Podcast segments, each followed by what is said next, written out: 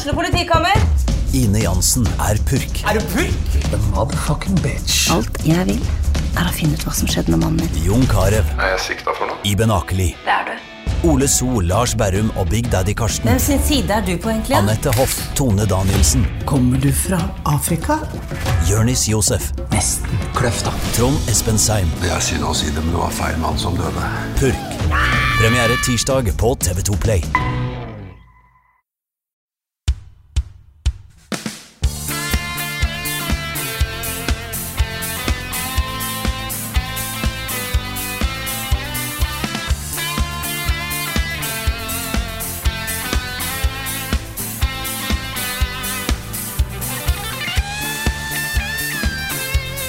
Hallo alle sammen og velkommen til en ny episode av podkasten Level Backup med meg, Frida Danmo. Og denne uka her så det er kanskje det er litt spennende å si, men vi har faktisk med oss en, en kjendis. I dag, Du har sett han på framsida på NRK, du har hørt han på radio. Det er selveste spillermelder Rune Fjell Olsen som nå tar internett og jeg holdt på å si NRK med storm. Og for meg, Frida.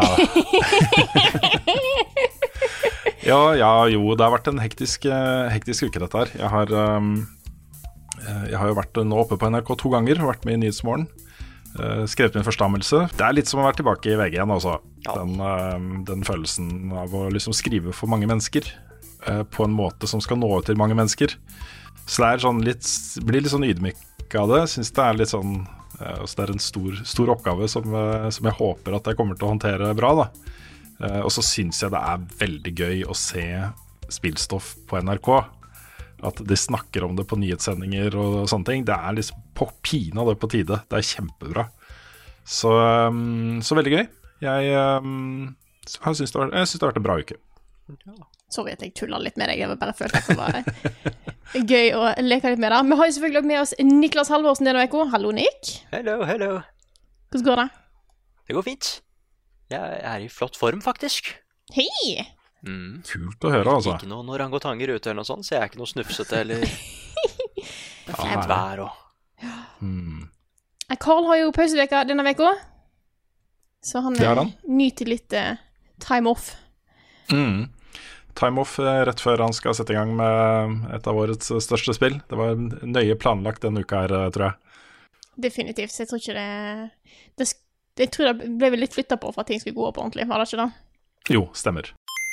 Har du spilt i det siste? For den oppmerksomme lytter eh, så har dere kanskje merka at vi skippa en liten vignett, og det er fordi det har egentlig vært ganske rolig uke. Så da går vi bare rett og slett rett på hva vi har spilt i det siste. Hva er Ja, det? altså, det, Mm, ja, ja, den der ukens hotteste, det er meningen der skal vi trekke fram hvis det er liksom ting som åpenbart er den store snakkisen denne uka her, ikke sant? Mm. Og um, ja, vi fant ikke noen uh, gode kandidater. Det er, det er litt greit og Jeg syns det er viktig eh, i en sånn type Hvis du har spalter, så må det være greit Hvis det ikke er noe innhold der, så må det være greit å droppe det, tenker jeg. Mm. Jeg syns det. Jeg òg syns det. ja. Så kan noen òg velge å tolke denne starten her som at ukens hotteste er at det ikke er noen ukens hotteste. ja, vi har masse gøy å snakke om. Og i, i hvert fall i Kammerspillet til det siste. Mm. Hvem har lyst til å begynne? Har du lyst til å begynne, Rune? Jeg kan godt gjøre det, Ja. fordi jeg har spilt The Last of Us Part 2. Ja, det er sant. Det er, så tidlig. Det er noe skikkelig dritt. Ja, men tenk da, å ha tre uker på en sånn anmeldelse er jo helt amazing. Det er helt Så jeg er veldig happy for at den kom så tidlig. Så jeg kan jo selvfølgelig da ikke snakke om det i det hele tatt. Jeg kan ikke si noen verdens ting, annet enn at eh, jeg har spilt det, ikke ferdig, og at embargo er 12. juni klokka ett minutt over ni på morgenen. Jeg er fortsatt usikker på om eh, min anmeldelse kommer da, fordi eh, det, den skal jo på NRK. Eh, så det blir jo liksom bestemt av og så det er det spørsmålet, Skal man ha en anmeldelse ute liksom en uke før lansering bare fordi det er embargo, fordi alle, alle andre anmelder det på den dagen, eller skal man vente til liksom nærmere lansering, sånn at folk kan liksom se anmeldelsen, og så gå ut og kjøpe spillet hvis de har lyst til det, liksom? Ja, da er en vurdering å ta når det er liksom sånn, sånn type uh, satsinger. Det er helt sant. Ja, det, det er det, altså. Så, og i tillegg, da, altså embargoer på spill jeg, jeg, når man driver et spillmedie, så er det jo veldig bra å være ute på embargo, fordi da drar folk på sånne pilegrimsreiser på internett. Og så surfer de fra sted til sted og leser masse anmeldelser og ser videoanmeldelser og sånt. Og så fråtser de da i innhold med et spill de gleder seg veldig til. og hvis man er med på den, så får man liksom en sånn flokk da som kommer innom og ser ting, tingen man har lagd eller eh, skrevet, uh, og så går de videre. Og det er trafikkmessig veldig bra. Uh, samtidig da, så er jo embargoer når det gjelder spill, veldig sånn PR-styrt.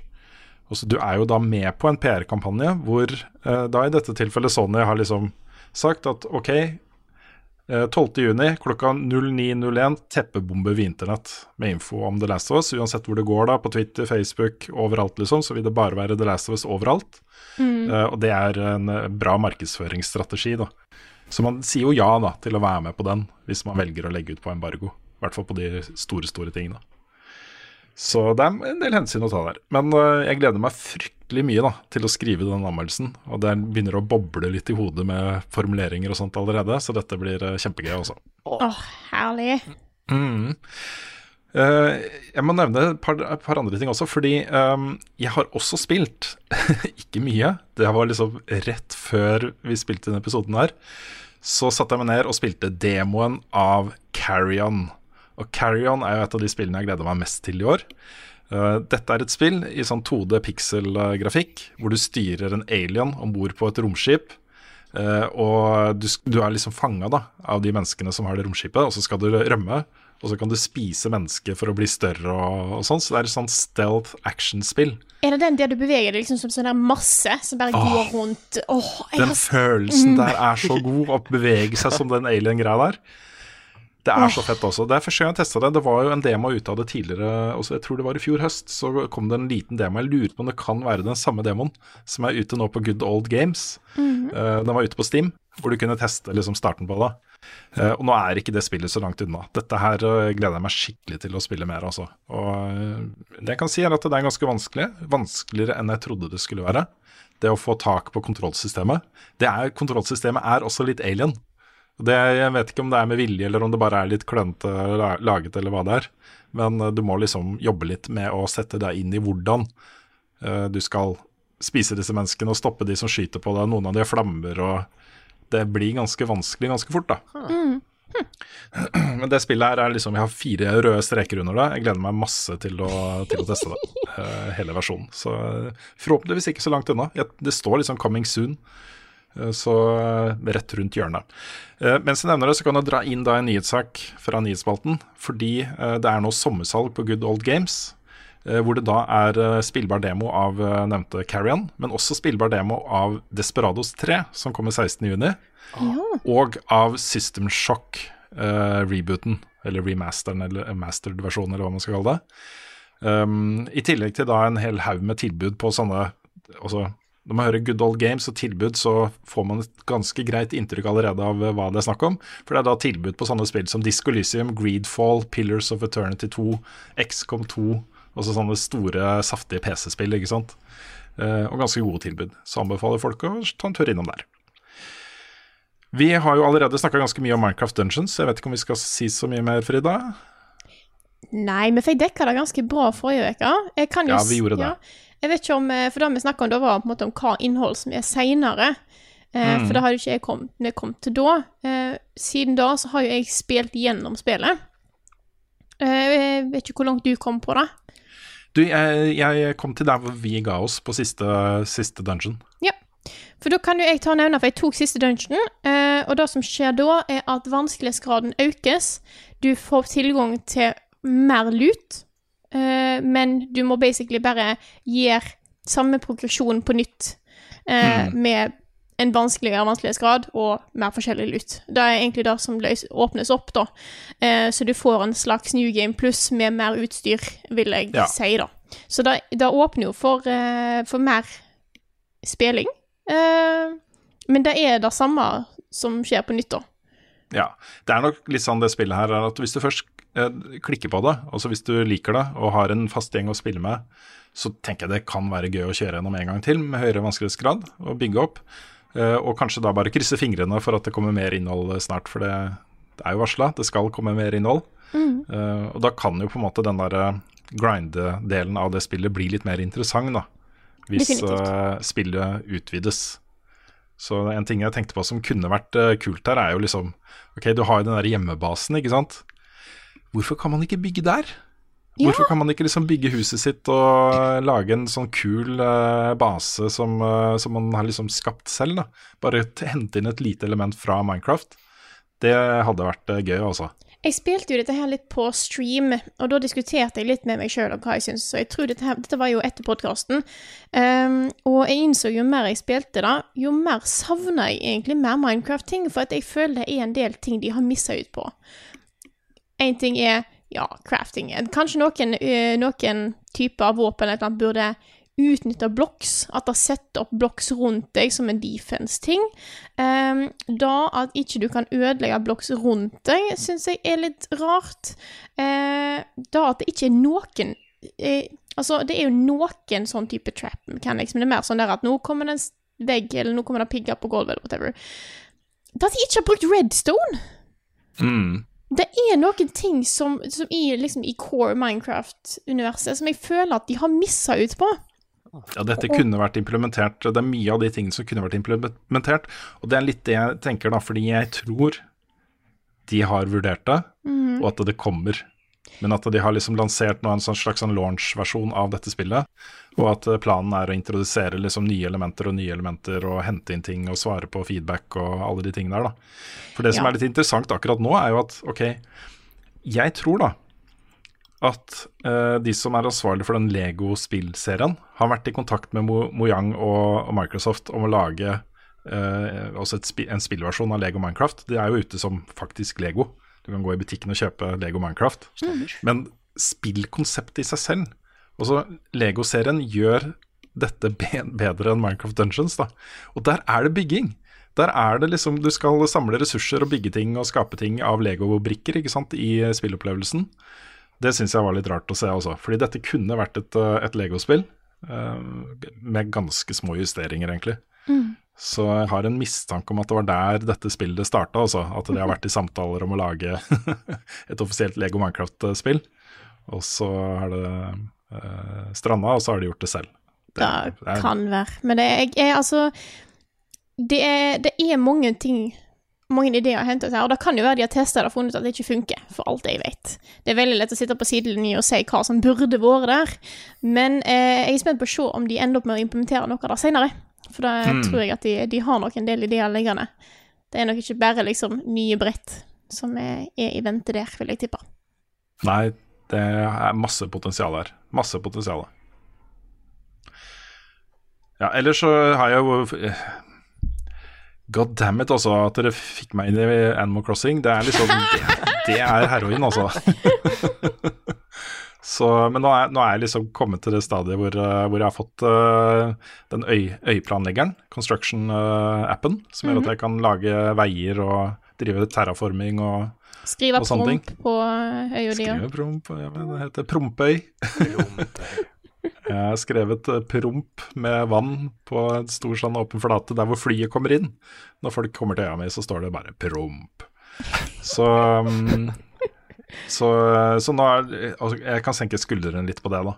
Men eh, det er jo det er jo mye gøy å gjøre det fortsatt. da Flytte rundt på husene og finne ut eh, layout på byen din og øya di. Og ja, der kan jeg ha det, og kanskje jeg skal ha en park her. og hva med terraforme meg helt gjennom til andre siden og få en strand på andre siden av øya også. Det er masse sånne ting da, som du kan sitte og pusle med. ikke sant? Så det er blitt et lite sånn ritual. Og så har jeg solgt eh, neper for over eh, 12 millioner bells. Herregud. Vikar. Hva skal Så- du med deg? Du, jeg skal jo finansiere både meg selv og to barn. Og det er sant. ja. Så Og de har uh, Dattera mi har ikke utvida huset sitt i det hele tatt. Uh, sønnen min har bygd på ett rom, som jeg betalte for. Så jeg skal liksom gå inn der nå, da. Hjelpe de å liksom komme til et stadie hvor de kan bare sette seg ned og kose med spillet, og slippe at pappaen deres maser på dem for å gjøre ferdig de questene.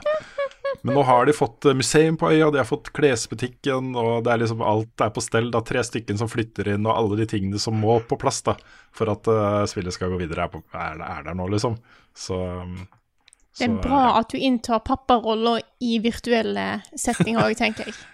Ja, jeg er jo litt skuffa da, over at uh, de ikke bare hørte på meg. Når de går inn, så vil jo bare de gå i butikker og kjøpe nye, kule capser og, og sånt, ikke sant. Mm. Um, jeg er sånn Ja, men den questen, da. Du vet at Tom om å gjøre sånn og sånn og sånn. Ja, men jeg har mer lyst til å fange en fisk. Eller og, Ikke sant. Så jeg, jeg har lyst til å hjelpe de å komme dit, da. Hvor de kan bare sette seg ned med det spillet her og kose seg med å flytte rundt på bygninger og lage parker og uh, bruke det som et sånn byggespill, da. Mer enn uh, Quest-spill. Så, um, så ja. Det er i hvert fall det er meg, da. Det er, livet mitt er mye Animal Crossing og The Last of Us akkurat nå. Yes, har du eh, lyst til å fortsette, Nick? Det kan jeg. Jeg har eh, Jeg fikk jo endelig starta på dette Final Fantasy 7-remaken, jeg også. Ja. Og, nå, og nå, har jeg, nå har jeg det der problemet igjen med at fader, nå er jeg ved slutten. Og jeg har liksom Ja. ikke helt lyst til at det skal slutte heller, så nå driver jeg og sparer så lenge jeg kan. Jeg, jeg har kommet til et sånt punkt i spillet hvor de sier at eh, hvis du sier ja nå, så kan du ikke dra tilbake igjen, altså. Du må fullføre alt du skal før du drar, liksom. Det, det er Mhm. tegnet på nå er vi i the end game, da. Eh, jeg liker det kjempegodt. Eh, men jeg, jeg får litt sånn derre De bygger opp sånne veldig sånne, sånne megastore hendelser og plot points og sånn i det spillet. Som jeg hører at de liksom bare fiser gjennom i den originale. Liksom at det bare Ja, jeg brukte Det tok to-tre timer å spille gjennom det som historien er i remaken, da, har jeg hørt. Så, så jeg er veldig spent på, liksom, når jeg er ferdig med remaken, om jeg skal fortsette på den originale. Eller om jeg skal bare bare vente på er- remake 2. Ja. Jeg tok jo da valget og begynte på originalen. Eh, og jeg var jo òg veldig sånn skeptisk til på en måte, ok, hva, hvorfor er historien så utrolig mye lenger i remaken. Eh, jeg kan jo si at, jeg tror jeg nevnte det før, originalen er lagd på en helt annen tid enn nå. Det fins de har jo utvida litt historietråder i remaken. De har lagt til litt. De har lagt til en del sidequests. Men jeg tror at dette spillet her, hvis de hadde bare liksom tatt historien som er i originalen, og bare lagd det som en 2020-versjon, så kunne ikke det spillet vært kortere enn 15-20 timer. For måten spill var lagd i 1997, er helt annerledes. Det å gå over lange distanser ble bare vist som eh, at du gikk over tre tegna bakgrunnsskjermer. Det er sant. Mens, og, og hver by, bydel måtte være mye mindre, for du kunne ikke ha det større. Eh, og det hadde ikke funka i dag. Da hadde det føltes som at den verden var liksom nabolaget mitt. Så det da er en naturlig del av på en måte, når spillmiljø, eh, spill generelt er større i dag, fordi at du har faktisk mulighet til å lage det i den størrelsen det er naturlig at det skal være, så blir det òg lenger. Det er Det tar òg lengre tid å si dialogen, det tar å lese det, så dialogen hadde blitt lenger, cutscenes hadde blitt lenger. Eh, det er jo selvfølgelig ting som er tatt ut, nei, dratt ut i eh, remaken. Jeg syns det eh, kanskje gir karakterene mer dybde. Eh, men ikke tenk på at, eh, at jeg, jeg tror igjen at eh, remaken, hvis de bare hadde tatt utgangspunkt i historien som er der, og ikke lagt til noe mer, så hadde den fortsatt vært 15 timer. Dæven. Da Nei, ja. er mitt eh, inntrykk. Ja, for det er jo det liksom at Skal jeg liksom begynne å lese boka eller vente på den neste filmen, ikke sant? Ja. Jeg, jeg er litt der. Men så tenker jeg at det bare hvor mange år kan det ta før remaken får oppfølgeren sin, da? Det tar nok litt tid, altså. Ja, Jeg det, eh, tror det tar litt tid. nei, så jeg Så derfor er jeg, gruer jeg meg til å bli ferdig nå. Fordi nå, nå uten, uten Ikke for å spoile, men shit has gotten crazy i det spillet her. Mhm. det, det har tatt liksom retninger som jeg ikke trodde. da. Um, og så er det bare så gøy at det, det kan liksom gå fra å være veldig seriøst, bare at vi er nødt til å gjøre dette her for å overleve, damn it. Det er survival of the fittest. Mens neste act bare Nå skal vi danse litt, da. Nå skal vi, nå skal vi dra, på, dra ut på byen og danse litt. Det kommer en sånn der eh, En sånn der eh, minigame der, da. Så det er, det er veldig sånn Det er et morsomt univers å være i. Og igjen, det er så skikkelig anime. Kanskje det er derfor jeg liker det. ikke sant? Det er veldig, veldig mye lik humor der. Mhm. Altså, jeg, jeg har et par timer igjen der, så er jeg ferdig med remaken. Uh, men det andre jeg har spilt, det er jo Det kom jo en svær ny update til Civilization. Eller en Ja. Ja. DLC. Uh, fordi de sa at uh, vanligvis hadde de bare lansert alt som en svær expansion pack, men de, de kunne jo ikke De kan ikke dra opp til kontorene sine og sånn, ikke sant? Nå som situasjonen er som den er. Så det de har bestemt seg da, er at de skal dele opp expansion packen i løpet av, eller utover året i form av en season pass. da. Men det er en ganske svær DLC. Liksom, så Hver andre uke så får du nye sivilisasjoner, du får nye bygninger, liksom, nye kart. nye Det er masse nytt hver gang. da.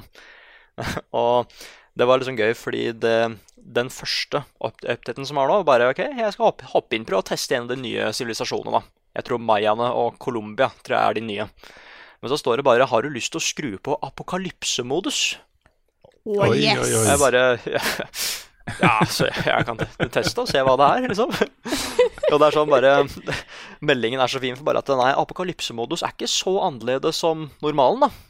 Ok, hvorfor er det ikke det? Nei, fordi det er at eh, eh, naturkatastrofer og sånn, de er litt større.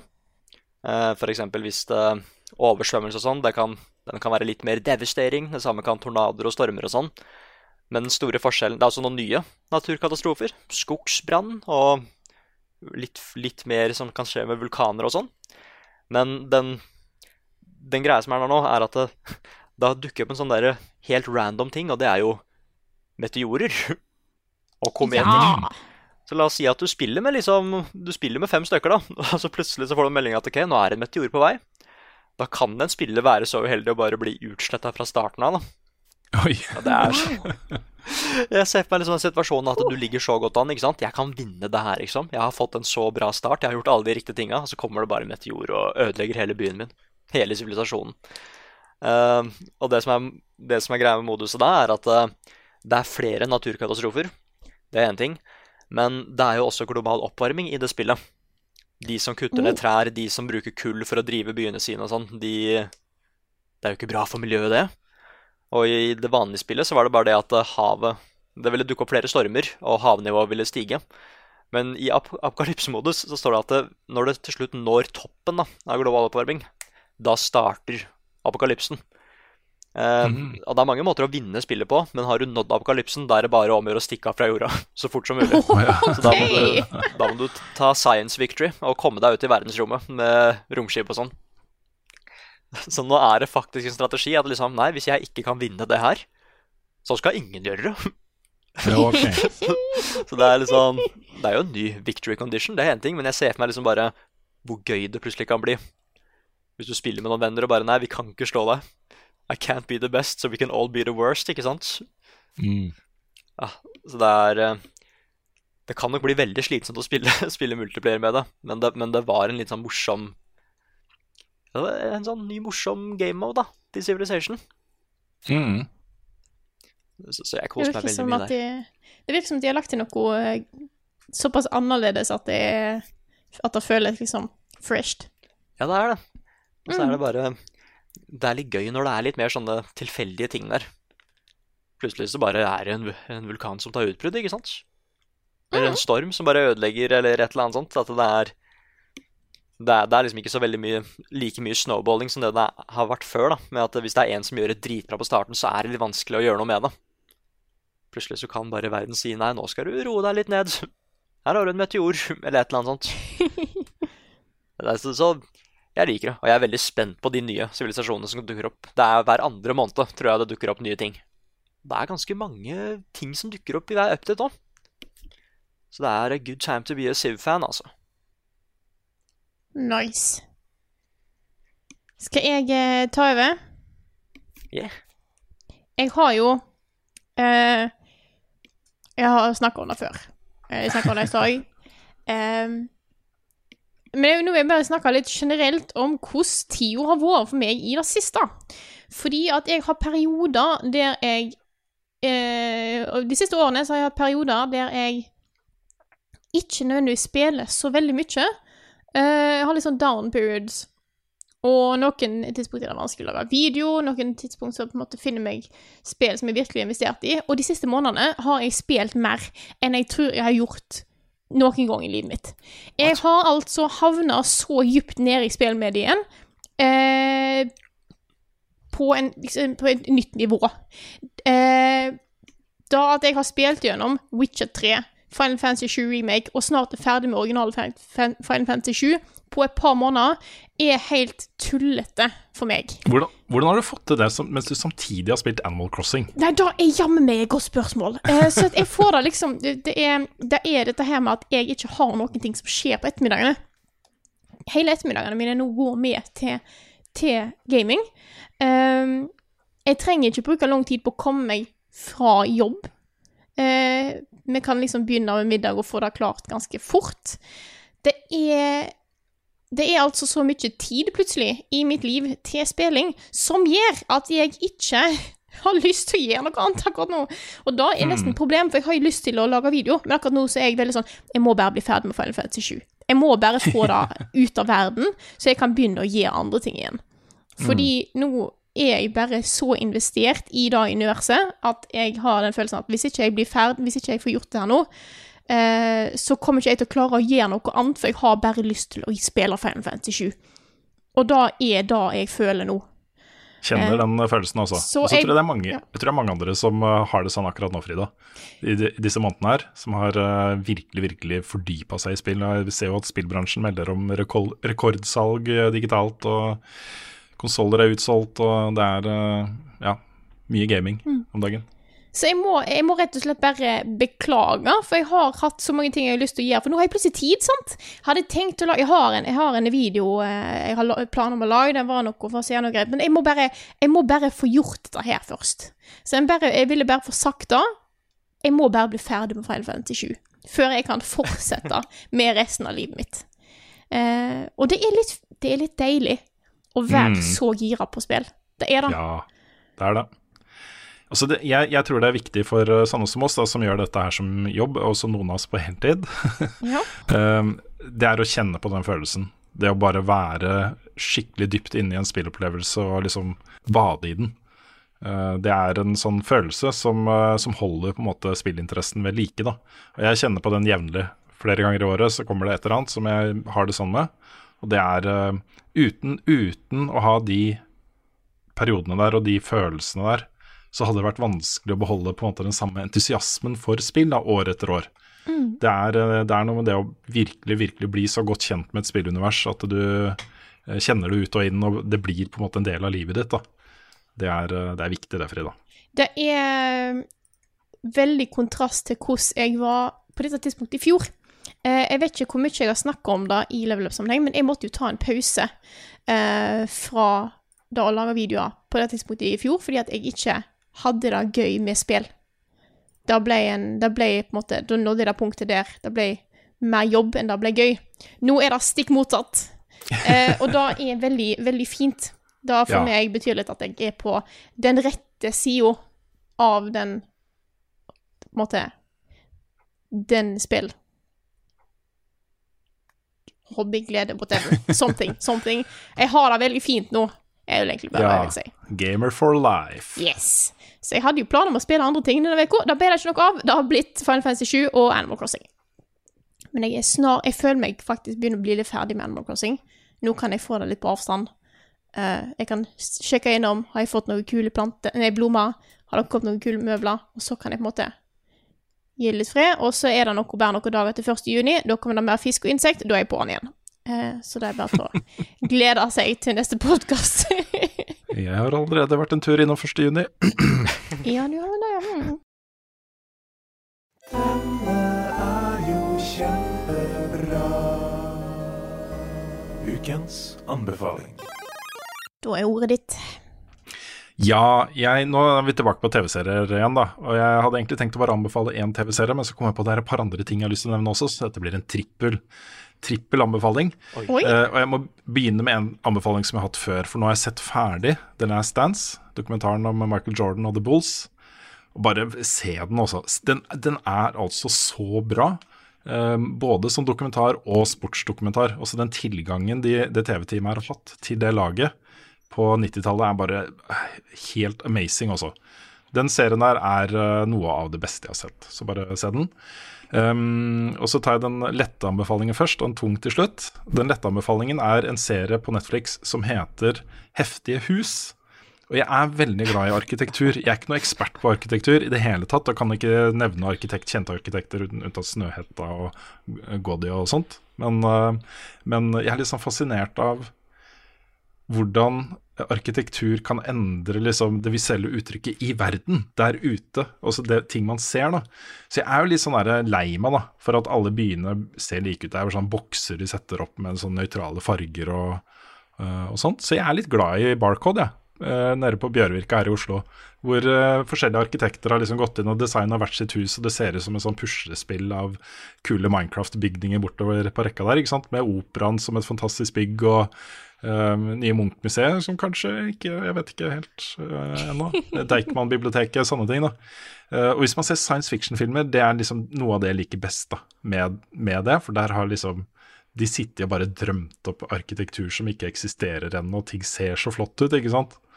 Uh, og den serien her, da, Heftig hus, der reiser et uh, team på to personer, en arkitekt og en skuespiller, som er veldig opptatt av arkitektur, rundt hele verden og besøker spennende hus. Og snakker om dem og viser dem fram og sånne ting. Og det er da gjerne tre, fire, fem hus i hver episode. Uh, de har vært i Norge og sett på en uh, veldig veldig stilig hytte. Og jeg blir liksom sånn, så jeg blir så fascinert da, over hvordan disse husene ligger i landskapet, og hvordan de ser ut, og hvordan det er utformet, hvor ville de er, eh, sammenligna med de boksene vi andre bor i. da. Og det, Ofte så er det hus liksom, hvor folk bor, og de kan liksom åpne et vindu og så stupe ut i badebassenget og sånne ting. Liksom. Det er helt, helt insane, altså. Det er kjempegøy å se de episodene her. Så den anbefales veldig. Jeg tror det er tre sesonger som er ute, jeg har ikke sett alt. Uh, men jeg ser, ser, en episode nå og da, når jeg føler liksom at nå vil jeg ha litt arkitekturporno. Let's go! du er okay. jeg, jeg, har fått, sånn, jeg, jeg oppfatter deg som en veldig sånn Du er, du er glad i uh, kunst, kultur og design og litt sånne ting. Jeg syns det er litt ja. eh, Stilig. Ja, men jeg er, veldig, jeg er, veldig glad i det. Jeg er veldig opptatt av liksom måten uh, det påvirker hvordan vi liksom opplever verden. da.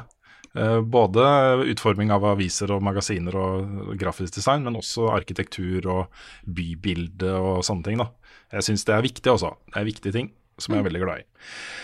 Og så den tunge anbefalinga til slutt, og dette er liksom jeg anbefaler den fordi jeg føler folk bør se den. Eh, det har jo nå begynt å gå en uh, dokumentar på Netflix om Jeffrey Epstein som heter Filthy Rich. Hvor de har, her har de gått grundig til verks, altså. Og det er en serie da som forsøker å avdekke hva han fyren her faktisk har gjort.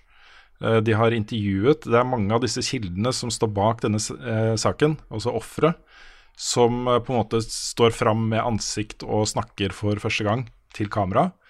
Uh, og det er jo utrolig vondt å se på, og veldig sterkt. Um, men dette er jo et, også en sånn maktstruktur i samfunnet som man virkelig bør belyse, og som jeg er glad det skjer ting med, selv om han da angivelig tok livet sitt i, i fengsla. Så det her, må bare, det her må belyses fra alle mulige sider, og det må komme fram. Det må komme fra hva har skjedd her, hvem har vært involvert. Jeg håper, jeg håper at den dokumentaren her og oppmerksomheten gir, fører til at uh, de ansvarlige bak disse drittingene blir holdt til ansvar. Så, så, jeg skal se den, selv om det er vondt uh, gjennom. Men uh, det, det, er også veldig bra håndverk da, som dokumentar. Veldig godt laget dokumentarserie. Så anbefaler folk å se den, selv om det gjør vondt. Det er sånne ting som, en, eh, sånne ting som skjer i samfunnet som er Det er vondt, men en kan ikke bare snu ryggen til det, for da blir det ikke gjort noe med. Det er bra at det kommer opp i lyset, sånn at folk blir klar over hva problem som er i verden rundt oss. Her kommer nyheter med Rune Fjell-Olsen, og han har ikke hår. Nei, Da begynner vi nyhetsspalten med uh, å hente inn igjen ukens hotteste-spalten uten vignett. Men uh, tanken vår var da at ok, i kveld for oss så er det Nordic Game Awards. Vi legger ut podkasten i morgen. Kunne det kanskje være sånn, kjære Nordic Game Conference, om vi kunne få listen over vinnere uh, tidlig, sånn at vi kunne snakke om det i podkasten, for den skal ikke ut i morgen.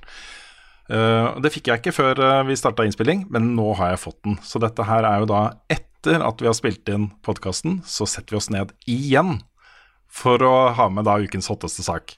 Uh, og dette er jo da den store kåringen under Nordic Game Conference, hvor de kårer da Nordens beste spill. Og det som er litt spesielt der, er jo at mange av verdens beste utviklere sitter jo i Norden. Ja. Altså Det er en ganske saftig eh, kåring, dette her. Uh, Hvor du jevnlig da ser spill som vinner Game of the Year-kåringer andre steder i verden, også er med på nominasjonslistene.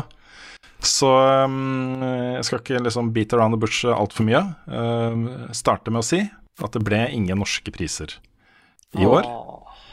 Men det ble en slags sånn spesialpris. Fordi juryen har muligheten hvert år, jeg sitter i juryen selv. Hvis det er liksom ett spill da som uh, blir mye diskutert, og det er liksom veldig nære å vinne flere kategorier, og det er mange i juryen som liker det og sånt, så har de muligheten til å dele ut en uh, spesialpris.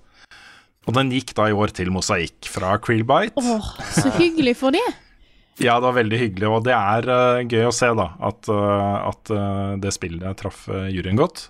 Så gratulerer så mye til Krillbite med den. Og det er liksom når, når jeg skal lese opp vinneren her, så skjønner man at ok, det fins gode grunner for at ikke kanskje de vant en pris, for det er en del sterke, sterke titler her. Men veldig gøy, da, at de fikk den prisen. Så gratulerer til Krillbite. Kan du gå gjennom kategoriene én for én?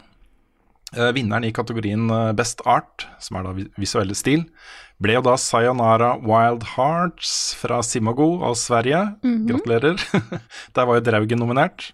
Jeg også ville kanskje muligens hatt uh, Sayonara på topp på den kategorien personlig. Så Jeg har fortsatt ikke spilt. ah, det er veldig, veldig bra. Også kategorien Best Fun for Everyone, denne samlepotten med samlepott-kategorien, hvor ja, Jeg vet ikke hvor vi skal plassere dette, men det er jo gøy for alle. Her er det da en utrolig verdig vinner, for det ble jo da What the Golf. Yes. What the Golf fra Triband i Danmark. Um, eh, beste teknologi ble jo da Control fra Ja. Remedy, Finland. Det um, er ikke uventa, Det er jo litt av et spill. eh, ikke sant? Beste debut ble My Friend Pedro fra Dead Toast i Sverige. Mhm. Det er noen kanoner her, liksom. Dette Ja. er uh, Ja. Solide greier. Og så da et spill jeg ikke har uh, spilt eller hørt om. Best Audio. Mutazione fra Die Gute Fabrik i Danmark. Mutatione. Mutazione, det må jeg sjekke ut. Eh, I Best Audio så var jo da eh, Moons of Madness fra Rock Pocket nominert. Eh, Best Design var en kjempekategori. Jeg må nesten lese opp alle de som det var nominerte der, for dette er, handler jo om spilldesign og kanskje den gjeveste prisen for mange utviklere. Um, hør da, nominerte var da Baba Is You, Control, Sayonara Wild Hearts, What the Golf og Degrees of Separation fra Moondrop i Norge. Ja. Dette er, dette er liksom spill som gjør ting litt annerledes og på litt spesielle måter og sånt. Å, det er sikkert Baba. Så Sikkert Baba. jeg tror det var Baba. Ja. Du har helt rett, Nick. Det ble Yes! Baba i Syv. Åh, da håpte jeg på. Fader, da spillet det gir, gir puzzles på en, på en så ny måte. Det er helt tullete hvor, eh, hvor gjennomtenkt det spillet der er, altså. Herregud. Mm. Ja, nei, det er uh, fullt fortjent. Det Mm. er sånn, Selv jeg som ikke har spilt det så mye, da, ser at det, her, måten de tenker på her for å lage det spillet, er bare kjempebra. Mm. Så jeg har sett det også blitt uh, hylla av spillutviklere i resten av verden også, så veldig kult. Så er det en kategori som heter Beste VR XR. og Det handler jo da om eh, spill som bruker litt andre eh, teknologier for å vise ting. Eh, det er et spill da som heter Ghost Giant fra Zoink Games i Sverige som vant det spillet. Og Så er det de to gjeveste kategoriene igjen, de som, eh, som er litt sånn eh, tøffest. Så jeg skal prøve å ta eh, alle de nominerte her også. Først så har du da beste spill for liten skjerm. Og det er jo da um, primært mobilspill. Og så um, Skal vi se om jeg finner kategorien igjen. Jeg må bla litt. Rann. Eh, ja, small screen. Der har du da Lego Builders Journey uh, fra Danmark. Det er tilgjengelig på uh, Apple Arcade f.eks. Veldig bra spill. Du har Mosaikk fra Krillbite. Du har Sayonara Wild Hearts fra Simogo. TikTok, A Tale for Two fra Other Tales Interactive i Danmark. Og da What the Golf. Og jeg vil jo si at liksom Mosaikk, Sayonara og What the Golf er jo tre av altså de beste mobilspillene i verden i fjor. Mhm. Og der vant jo da også Sayonara Wild Hearts. Så det er nok den rekkefølgen jeg ville hatt det sjøl. Men uh, jeg vil tippe at uh, Mosaikk var ganske nærme der. Og så da, uh, rosinen i pølsa. Uh, Game of the Year. Årets beste spill i uh, eh, Norden i fjor. Mm. Skal vi ta det nominerte? Yes. Bygge litt uh, spenning. Okay. Mm -hmm. Det er da Baba Is You, Mhm. Control, Mhm. Lego Builders Journey, Mhm. Mosaikk Mhm. og Sayonara Wild Hearts. Og vinneren ble da, ikke så veldig overraskende, så ble det Control. Det ble Control. Ja, det var eh, jeg, eh, Det er liksom en liten del av meg ville at det skulle være Baba, men altså, Control er et fantastisk bra spill. Ja, det er jo det. Det er jo det. Og det er eh, Noen ganger da på disse listene her så er det to-tre av de, det kaliberet. For Control er liksom top tier video games, fuck yeah, liksom. Det er der oppe. Ja. Eh, det hender at man har liksom to-tre av dem, da. Eh, og jeg syns jo det er litt morsomt Eller morsomt, jeg vet ikke. Det er, jeg har ikke sånn feide med Sverige, altså. Men eh, de er jo kjent for å være liksom Mene de er flinke. Er, er det ikke det? Eller er jeg veldig på jorda her? Altså, jeg vet ikke, jeg. Jeg har ikke så veldig mye stereo, stereotyper rundt uh, svensker, så jeg eh, vet ikke akkurat her, faktisk. Nei, men Sverige er i hvert fall den største spillindustrien i Norden. Og de har flere utviklere, de har større utviklere, og det er ting er skikkelig sånn på stell. da. Um, I år så var det Finland som, eh, som eh, kanskje henta mest. Selv om Sayonara da henta jo et par priser, de også. Så det var, og My Friend Perro. De, ja, Sverige fikk mange priser, de gjorde det. Men i Game of the Year-kåringen så vant i hvert fall Control og Finland. Nei, jeg, jeg, jeg syns um, Nordic Game Awards er, er gøy også, fordi um, for oss da i Norge, som har en spillindustri under utvikling, hvor det skjer ting fra, hvert, fra år til år, hvor de blir flinkere og flinkere og lager mer og mer interessante spill, syns jeg, da. Eh, Så får de liksom målt seg direkte mot noen av de beste i verden. Og det er jo sånn når man skal konkurrere i noe, eh, den kjappeste og beste måten å bli skikkelig god på, det er å konkurrere mot folk som er bedre enn deg, ikke sant. Så eh, jeg bare tenk den dagen da, hvor vi har et spill som kommer inn og er sånn, ja, eh, juryen som er satt sammen av folk fra hele Norden, Um, mener dette norske spillet her er det beste spillet som kom ut i Norden i fjor. Bare tenk alle vi må utkonkurrere for å få til det. Det blir gøy også. Det er bare til å glede seg til den dagen. Da blir det eh, feiring. Ja, da skal jeg sprette champagnen. Men det var da den lille innstikket. En eh, glohet nyhet. Vinnerne i eh, Nordic Game Awards. Så da får vi vel hoppe litt tilbake, tilbake i tid, da. Ja. Og så fortsett med et par rykter, da, fordi ehm, nå går det rykter. Bloomberg, eh, som jo nylig har knytta til seg Jason Schreier, den beste spilljournalisten eh, vi har, ehm, eh, forteller nå at ifølge ryktene så planlegger da Sony et PlayStation 5 State of Play neste uke. Muligens 3. juni, Oi. men det kan bli endra. Så, så det blir første gang da de går ut og kanskje viser fram konsollen og sånne ting. Og så er det da ifølge de samme kildene planlagt flere events utover sommeren, sånn som Microsoft gjør det. At de skal spre det litt utover. Spennende. Det er jo for å holde hypen oppe helt fram til release. Helt fram til release. Yes. Og så et rykte til som flere rapporterer, og jeg tenker det stemmer. Um, da kunne jeg liksom benytte anledningen siden Carl ikke er her, til å være skikkelig sånn He, skal de lage serie av den drittspillet her, liksom? Ble... Men rykte, nei, jeg skal ikke det. Um, ryktet er da at uh, Kingdom Hearts blir TV-serie på Disney pluss. Um, det vil ikke være live action, det vil være CG. eh, animert av Square Enix, visstnok da, i hvert fall piloten og sånne ting. Men eh, alle stemmeskuespillerne fra eh, serien, i hvert fall de viktigste, skal være involvert i dette her også. Det Så er kan vi en håpe, da. god approach. Det er en god Ja. Jeg syns det også. Så kan vi håpe på at en, en faktisk TV-serie kanskje får den historien til å henge litt mer på greip. Jeg vet ikke, Er jeg fordomsfull da? Eh, nei eh, Det er jo en kjent ting at den historien er litt sær. Eh, og jeg kan jo ingenting om den, bortsett fra veldig lite. Eh, men jeg er spent på å se hva de gjør, om de velger å følge historien til spillet, eller om de velger å ta sine egne retninger. Eh, det er et håp, hvis det er Square Enix som står bak i hvert fall eh, animasjonen, at de kan Da har de i hvert fall sin egen IP som de jobber med, istedenfor at det blir outsourcet til noen andre som kanskje tar litt friheter som kanskje ikke fansen blir helt fornøyd med, men vi får se. Da, Sonic. ja. Nei, så jeg, dette er jeg spent på. Og så er jeg spent på å se- se hva Carl syns etter hvert òg.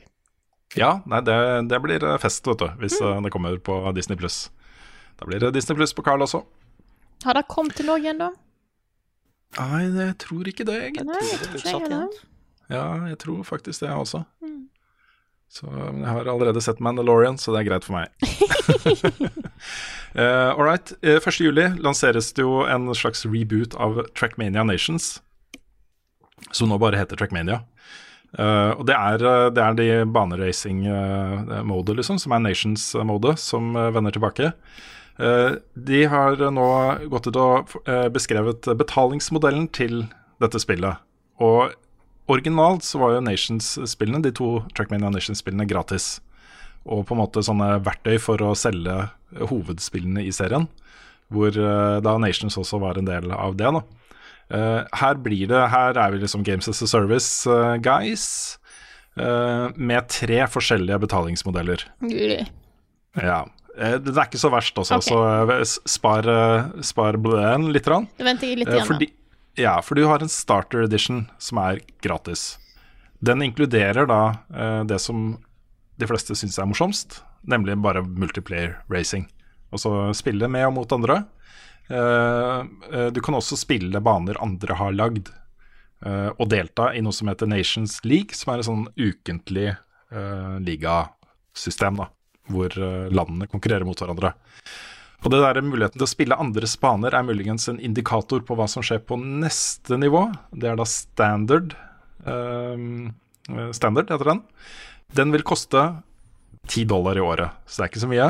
10 dollar i året. Uh, og her kan du da lage egne baner. Uh, du kan får muligheten til å spille liksom Track of the Day, som er community-skapte baner. Uh, og så får du daglige challenges, som du da ikke får i, i gratisversjonen. Og så har du da toppnivået her, eh, som heter Club. Den er heller ikke altså det er ikke så verst, skjønner du, fordi det er 30 dollar for et år. Og så kan du kjøpe et treårs eh, for 60 dollar. Ja. Så det er ikke, summene er ikke absurde her, liksom. Eh, og det er engangssummer. Det er ikke masse mikrotransaksjoner og sånt. Og her kan du da, eh, som navnet eh, indikerer, lage eller bli med i klubber. Altså et mer sånn community-greie her. Eh, du kan designe skins og dele skins, og du får eh, egne club challenges og egne konkurranser og sånne ting også. Så det jeg ser for meg, da, er at ok, du kommer inn, eh, laster ned, prøver starter-versjonen gratis. Og så Det her var dødskult, jeg har lyst til å lage mine egne baner, og så oppgraderer du. Og så Å, jeg har fått masse venner, la oss lage en klubb. Det er liksom en sånn fin måte å, å, å se på inntektsmodellen her, da. Så, så Jeg, jeg syns det er Det bare, Jeg har bare fått det liksom instinktivt, eh, så blir jeg skeptisk. Eh, det hørtes bra ut. Jeg trekker tilbake en blømen. Eh, sånn. Bra. Nei, jeg er fortsatt eh, gira, fortsatt hyped. Så um, jeg hadde liksom eh, lurt litt på hvordan de skulle tjene penger på dette her, da. Det var meget populært da det var gratis, så eh, vi får se. Jeg nevnte jo at uh, det ligger en demo av uh, System Shock. eh, det er ikke en full remake, det er en remastered eller et eller annet eh, på Good Old Games nå. Eh, Men det er jo et System Shock 3 på vei også, hvor Warren Spector, da, som var en av de originale designerne, er eh, kreativ, har vært kreativ konsulent. Det spillet har jo vært i voldsomme problemer. Det lå jo innunder Starbreeze, det svenske selskapet, som gikk konkurs. Og så var det et lite team da, som skulle fortsette å jobbe med det. Det ble på en måte oppløst. Og hvor blir det av System Shock 3, dette her? Nå har da Kina kommet uh, på banen, og Tencent har tatt over uh, roret. Så nå det blir det System Shock 3, uh, og det ansvaret ligger nå på Tencent. Så um, jeg, jeg tror da Det er ikke sagt noe om liksom, hvordan de skal gjøre dette, her, men jeg tror det teamet som satt og jobba med det, eh, har på en måte fått jobbene sine tilbake for å fortsette. I hvert fall sånn det virka som. Og så en, eh, en sak som egentlig ikke er en sak, men som er verdt å nevne allikevel. Uh, Bayonetta 3 er ikke kansellert. Bayonetta 3 er ikke kansellert, og det er da uh, Hideki Kimaya, Kamiya, med, Kamiya i, uh, i Platinum som eh, sier dette her. De jobber med det, det kommer. De, han kommer jo stadig Det har ikke kommet så mye nyheter om det spillet på veldig lenge. Men han går jevnlig ut og sier at 'vi jobber på det', det skjer. Og det syns jeg egentlig er litt fint, fordi at Ja. det finnes spill hos, som er liksom av de store seriene eh, som ikke blir nevnt noe om. Pikmin. Eh, Så det er litt sånn eh, Det er litt fint å høre bare sånn Det skjer. Vi holder på med det. Det, tar, altså, det tok litt lengre tid, for de holdt jo på med Astral Chain og litt sånn diverse greier. Eh, men godt å vite. Ja, det er det. Det går jo et rykte nå også, da, som er litt basert på den Paper Mario-traileren som kom. Um, og fulgt opp da av andre kilder, som sier at uh, det er ikke bare ett Metroid-spill på vei. Og så på slutten der så får du se, se, Samus- Samus i Paper Mario-verdenen, ikke sant. Um, og det, er, det jobbes jo, Retro Studios eh, jobber jo med Metroid Prime 4. Uh, det går da rykter om at det er et Metroid-spill til på vei, da, som vil komme før Metroid Metroid Prime er, 4. altså, hvis disse rykt, alle disse ryktene rundt Nintendo stemmer, så tror jeg Nintendo eh, er liksom kommer til å bare ende opp med å gjøre sånn å ja, så dere skal gi ut ny konsoll? Da bare driter vi i. Vi bare pusher på og tar over markedet med egne spill istedenfor. Ja, ja, jeg ser litt for meg de bare sånn Ja, lykke til da, folkens. Det blir gøy da med nye konsoller. Håper dere selger mange av, av dem. Eh, Jeg vet ikke om folk har tid til å spille noe som helst, fordi vi har tenkt å bare pushe alt, Ja, eh, alt ut. Ja. Men jeg er spent på å se om det stemmer. Det hadde vært veldig gøy. Og så har det dukka opp et spill som eh, bør gå rett inn på radaren din, Frida. Frida. Mhm. Det foregår på en mystisk middelhavsøy. Oh, En øy, du da? Det er på en øy. Mhm. Eh, det er da eh, Sherlock Holmes som får en origin-historie av de samme utviklerne som har lagd de andre eh, Sherlock Holmes-spillene, Frogwares. Og det heter da Chapter One. Du møter en ung Sherlock Holmes på en mystisk middelhavsøy hvor det skjer mystiske ting. Du får se da hvordan en av tidenes aller beste detektiver blir skapt. Så ja. Jeg tror kanskje dette er noe for Carl også. Han har jo snakka varmt om eh, Sherlock Holmes tidligere.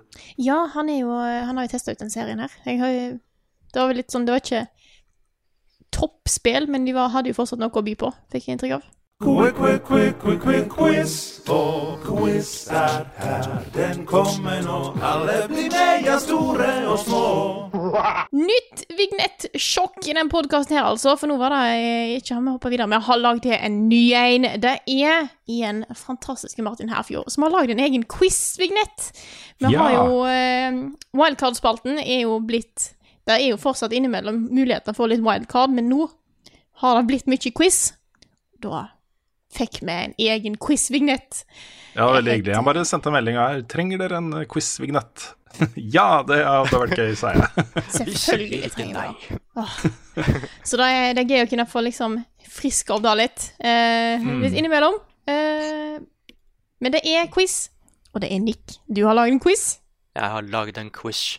Nei, for det var jo mye sånn jeg, jeg, had, jeg sa jo forrige gang det var at det hadde vært gøy med kanskje en Nick-quiz snart. Men der må jeg ironisk nok gjøre litt mer research. uh, men uh, en annen som jeg kom på da, var at uh, jeg har jo jeg, jeg har jo streama litt nå. Eh, og da har jeg vært inne på denne siden som dere viste meg. Denne How Long To Beat. Som er veldig, veldig fin på å liksom vise ja, som navnet sier, hvor lang tid det tar for å bli ferdig med et spill. da. Og kanskje 100% et spill og sånn. Um, så jeg hadde kanskje lyst til å lage en liste ut ifra det, og gå gjennom de tallene der og sånn, men så skjedde det plutselig noe i går når jeg gjorde litt uh, research der òg. var at uh, jeg, jeg begynte liksom å tenke er disse tallene her, Stemmer disse tallene her? For noen av dem var veldig høye, men noen var også litt lave. Så da begynte jeg å gjøre litt mer research. Og da fant jeg plutselig noen andre kule fakta om spill som hadde å gjøre med tid. Altså hvor lang tid det tar å spille bestemte deler av et spill, eller hvor lang tid det tok før noen kom seg hit, eller ja øh, Kontrasten fra et spill, liksom det første spillet i en serie til det femte spillet i en serie. masse sånn, da. Så istedenfor å ha en da How long to beat-quiz, så skal den quizen her handle om tid. Oh, wow. Tid, ja. Ok. Ja. Jeg er klar. Jeg har en- ingen anelse om hva jeg kan forvente her nå, men jeg er klar. Nei, så det er, det er en tidsquiz, da. Så, Oi, så, oi, så, så, så, så vi bare har nesten å gjøre om tid. Mhm. Um, eh, og Men hva er reglene her? Skal vi, skal vi liksom si navnet vårt, eller skal vi svare begge to? be, begge to. Det er liksom ikke noe okay. førstemann her. Nei, greit. Eh, så det jeg har da, er at eh, jeg har det kan, den, den lista jeg også brukte Jeg brukte ikke bare How long to beat, jeg brukte flere. Det kan hende at de forandrer seg etter at den podkasten her er ute. Det sto at de ble oppdatert ganske jevnlig, da. Uh, og det er jo ingenting som er liksom 100% korrekt. Altså Hvis jeg sier at det tar, eh, det, det tar fire timer å spille gjennom Brothers, ikke sant? det kan godt hende at det tar tre og en halv for noen. Eller Ja. fem, liksom. Men jeg bare Vi har et bestemt tall, så gjør vi det bare enkelt. Ikke sant? Ja. Nei, så da har jeg gjort klart noen spørsmål, da. Så fant ah, jeg denne herlig. kule, denne kule score-appen på PC-en, så jeg kan le- enkelt holde score. Det er kult. Da legger jeg bort pennen min. Ja. Dæven, skal vi se. Eh, Hvor er, hvor er den egentlig? Der er den der, ja. Sånn. så bare har vi et lite bilde der, for jeg har jo én skjerm, så jeg må bare være litt flink med åssen jeg har delt opp plassen og sånn. Ok. Så det vi gjør da, da, da starter vi først med noen enkle spørsmål. OK. Hvor det er liksom at jeg, jeg kommer til å være litt sånn veldig sjenerøs på hvor nærme dere er eller ikke. For det er det som er egentlig greia her. Det er om å gjøre å være nærmest. Ja. Men i de første spørsmålene, de er, de er ganske greie. Hvis, det er okay. liksom, hvis det er close enough, så er det et poeng, da. Mm. Okay, og det største, det største faktisk, det første spørsmålet, det er da Hvor mange timer tar det å spille gjennom det første Uncharted-spillet? Oh, Hmm. Ja. Hva, da tror har jo du? ikke jeg spilt. Jeg uh, gjetter på tolv, jeg. Da sier jeg 14. 12 eller 14? Ja. Ok, da, da, da skal jeg være så sjenerøs, da, for det er rundt 10 timer. OK. Da kan jeg si at eh, Frida, hadde du vært på 15, så hadde det ikke vært et poeng. Men vi sier close enough akkurat nå, da. Hæ? Ja, ja så, så, så snille er vi på starten. Oh, Men, det- men, det, blir, men det blir verre. ok. Ja. Mm. Sånn, så da får dere ett poeng hver. Ja, det var litt hyggelig. Det en koselig start på quizen da, Nick. Ja. Kommer til å savne det, håper jeg. Altså, Ja, så har jeg, jeg liksom en mulighet da, til å uh, kåre meg selv som en moralsk vinner, da. Hvis det er liksom et poeng eller to som skiller, ikke sant. Ja, ja. Ok, er dere klare? Neste, før- neste enkle spørsmål. Hvor mange timer tar det å spille gjennom Portal 1? 26. Seks timer. Jeg sier uh, tre. Tre? Ok, er da gir jeg til Rune, for det er rundt tre timer. Tar det. Mm. Jeg tenkte Mm. det var lenger. Ja. Jeg var sjenerøs i stad, men det er Ja, det går greit. Det, jeg, kan- jeg, den er jeg helt med på. Mm. Ok. Ok, Neste, da. Det er det siste enkle spørsmålet, så blir det verre. Mhm. Hvor mange timer tar det å spille gjennom det første Bioshock-spillet? Elleve. Eh, jeg sier 16. Ok. Da får Frida poeng, for det er rundt ti timer. Yes! Oi, oi, oi, er det, ikke, er det ikke mer, altså? Jeg brukte mye mer tid enn det. oh, det er jo alle de der eh, samtalene du kan finne og sånn, ikke sant? Ja, ja, ja. Mm. Ok, men, men da er det så langt da, så er det 2-2. Mhm, Ah, den mhm. appen her er faktisk veldig praktisk, altså. Ok, Nice. og da har vi kommet til middels spørsmål. Ahem. Da kommer det til å bli litt eh, Da må dere være litt mer nøyaktige med, med svaret her. Ok. Ok. Carl sier at det vil ta deg rundt 100 timer å spille gjennom Persona 5 én gang. Men hvor mange vil det ta deg 100 til spillet? Oi. Eh, vil du fortsatt ha timer, eller vil du ha minutter òg, liksom? Hvis du blir... Nei, nei, nei, nei vi, vi tar bare timer. Minutter kommer etterpå. Jeg sier 140. 140, Det hadde jeg òg tenkt å si, men da går jeg litt over og sier 150. 150. Mhm. Ok, Da tar vi den som er nærmest, og det er Frida, for det er 170 timer. Oi, oi, oi, oi, oi, oi, oi. Som jeg egentlig syns ikke hørtes så mye ut, hvis jeg tar 100 og spiller gjennom vanligvis en Ja, jeg tror jeg var på 110, faktisk. Så det er ikke så mye lenger, nei. Mm. Herregud. Det er altså Det er ikke så mye lenger, det er liksom 60 timer ekstra. Ja, sånn 60 timer, Det er to arbeidsuker, liksom. Det er ikke så mye. Nei, men så tenker jeg at da kan liksom folk bruke den quizen her til å finne noen leng lange spill, da. Ja, det her er veldig bra, Nick. Ja, ja. Ok, den her er litt uh, artig. Hvor lang tid brukte Svendsen på å komme seg gjennom remaken av Resident Evil 3? Hva sier han ikke det i anmeldelsen, da? Seks. Um, jeg sier fem, jeg. Fem, ok. Rune er right on the money, for det var fem timer. OK. Fun Ja. fact, han sier sju, men så står det å ja, faen, det var visst fem timer. Oh, ja. Ah, OK. Ok, Så det er fem timer. Det er eh, 3-3, altså. Mhm. Så det er nekk and nekk. Det det er spennende. Ok? Den her var veldig interessant. eh, fordi jeg prøvde å finne ut hvor lang tid det tok for folk å bli ferdig med Outer Wilds. Fordi det er jo et svært puzzle, ikke sant? Oh, ja. Eh, du skal jo liksom Jeg liker at det, noe av det, det spillet handler om, er åssen skal jeg egentlig bli ferdig med det. Altså liksom, åssen skal jeg komme meg til rulleteksten. Mm. Uh, så da gjorde jeg litt research på det, og da kommer den fordi Hvor lang tid tok det før flesteparten av spillerne fant ut hvordan de skulle bli ferdig med Outer Wilds? Altså ikke når de blir ferdig, men oss, liksom, hvor langt var de i spillet? Hvor lenge hadde de spilt til de fant ut hva de skulle gjøre for å fullføre det? 14. Eh, ja, jeg, jeg tror det er nærmere ti, jeg altså. Ti, sier jeg. Ok, fordi det er tolv timer. Så da er dere Ja. like, like langt. Så Ja, det er like langt unna. Ja. da, da får dere et poeng. Men her kommer den neste der, da. Og det er etter at spillere fant ut hvor lang tid tok det før flesteparten av dem kom seg til rulleteksten? Etter at de er- fant ut åssen de skulle greie det. Fra det punktet til rullete rulletekst, liksom. Ja. Det er, også, det er fryktelig vanskelig å anslå, da. Mm. Fordi dette er jo sånn exploration-spill, og kanskje du har missa noe ikke sant, som du har lyst til å gå innom og gjøre og sånt før du peiser videre. Ja. Jeg vil si eh, at det er fullt mulig å gjøre det på kanskje seks, seks timer. Okay. Jeg sier tre. ja. Frida har helt rett. Rundt tre timer. Oi, oi, oi, oi, oi. Men, jeg, okay. men jeg liker at de har de tallene. Ja. Fordi det er det er liksom kjempegøy. Ja, for det har jo liksom vært eh, Før det liksom ble ordentlig lansert, så har det vært ute lenge. Så, så, så jeg, jeg syns det var litt interessant. At det bare, etter at du Mm. vet åssen du skal greie det, så tok det for seg at flesteparten av folk har tre timer. Ja, det er en del greier du må gjøre. Ja. Ok, da er det 5-4 til Frida. Neste spørsmål, da, det er Av God of War 1, 2 og 3, hvilket spill er lengst? Altså tar det lengst tid å spille gjennom én gang? Én, to eller tre? To. Ja, Siden du sier to, jeg har lyst til å jeg, jeg, Fordi jeg, min umiddelbare tanke var én. Ja. uh, men uh, Dere kan si det samme, altså. Ja, fordi ja, Vet du hva, jeg sier fortsatt én, jeg. Jeg sier én. Ok.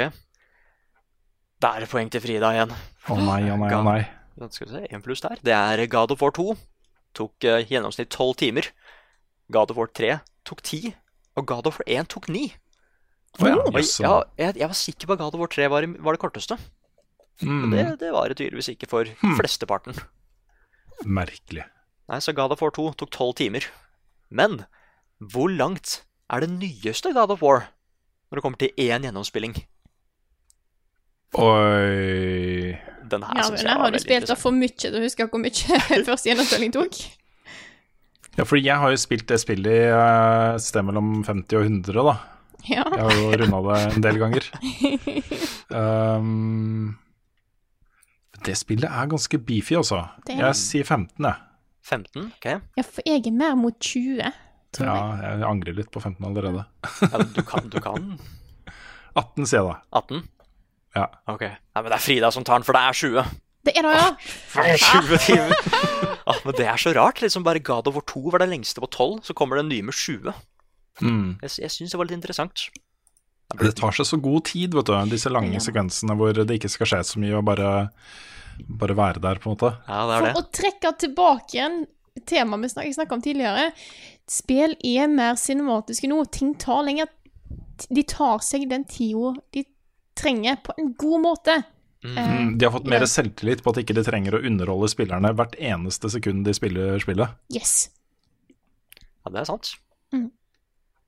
Ok, da er vi ferdig med middelspørsmål, og da har vi kommet til den som jeg liker å kalle for over- og under-spørsmål. Åh. Det vil si da at jeg kommer til å si et spill, og jeg kommer til å liksom si at det tok så lang tid å bli ferdig med det. For eksempel, det tok ti timer, men det er ikke helt riktig. Så da skal dere si om det enten tok under ti timer eller over ja. ti timer. Mhm. Herlig. okay. Kult, kult. Stillinga så langt er 7-4. Frida leder altså. Ok, her kommer det første. Flesteparten av de som spilte gjennom Sekro for første gang, brukte 30 timer. Åh. Over Jeg har- under? Jeg sier over, jeg. Jeg tenkte jeg, er Ikke bare for å si noe annet, jeg tenkte under.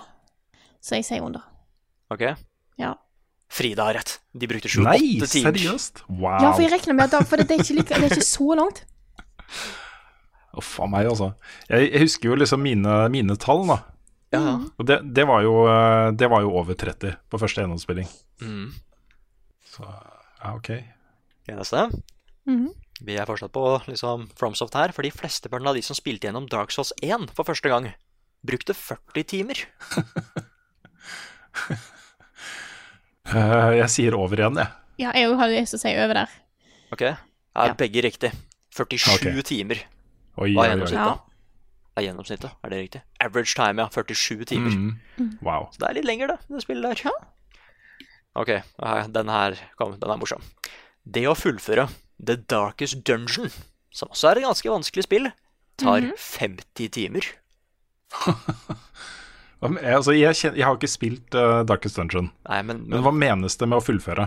det er å Komme deg kom deg, deg boss, liksom? Ja, det er forskjellige dungeons, og The Darkest Dungeon er det siste. Har du klart den, så har du klart The Darkest Dungeon. Og det spillet er vanskelig. Jeg sier under, jeg. Ja, da sier jeg over. Ok? Det er over. Det er 55 timer. Nei, Wow, nei, det er langt spill! Ja, det er, det, er sånn, det er så gøy, for du kan gå til The Darkest Dungeon med en gang. Men som regel så er liksom partyet ditt for redd til å gå inn, så bare Nei, ikke gjør det. Jeg har ikke lyst til å gå inn. Men så bare Jo, jo, du, du skal inn. OK, God help us all. Altså, det er så kult at de som overlever The Darkest Dungeon, de tør ikke å dra inn igjen. Åh, Nei. Så du kan liksom komme deg dit på sånn 30-40 timer, men det tar fortsatt tid ekstra bare å fullføre det, da. Fordi du må skaffe nye folk hele tiden, ikke sant? Mm, Ja. shit. Så det, det er, jeg er glad i det spillet. Oppfølgeren kan komme snart. Stilig mekanikk. Mm. Ok. Det å 100 de første Pokémon-spilla tar jeg 100 timer. Pokémon rød og blå, altså. Under. Under, OK. Over. Over. Ja. OK. Der er Frida igjen, for det er 101 oh, timer! ah, så, så jeg syns jeg er helt Altså, jeg kan jo se det. Men det å liksom Mm, det er- speedrunne det spillet der Jeg trodde det var 90 på 90-tallet, jeg, da. ja, Til og med på den tida så fantes det lange spill. Ja. Ok, her kommer den siste av eh, over og under. Det å 100 til Undertale tar deg 20 timer. 100 ja. ja. -hmm. Tenker du da alle paths, liksom? Jeg er ikke helt sikker, men jeg sjekka litt flere steder bare for å dobbeltsjekke hva flesteparten hadde greid på for 100% completion. Jeg sier under igjen, jeg også. Ok, Da ser jeg over. Så over. Bare sånn for, eh, for spenningens skyld. Ok. Fordi da har, jeg satt av, da har jeg satt av å bli morsom, fordi det er jo Frida igjen. Det er fortsatt over. Det er det, ja. Det rakkeren her går dårlig, Det altså. var under bare én gang. Nei, for det, Den her syns jeg var veldig morsom. Eh, det står liksom at ja, det tar 100, 100 til. Da er det 20 timer. Skal jeg si hvor lang tid det tar?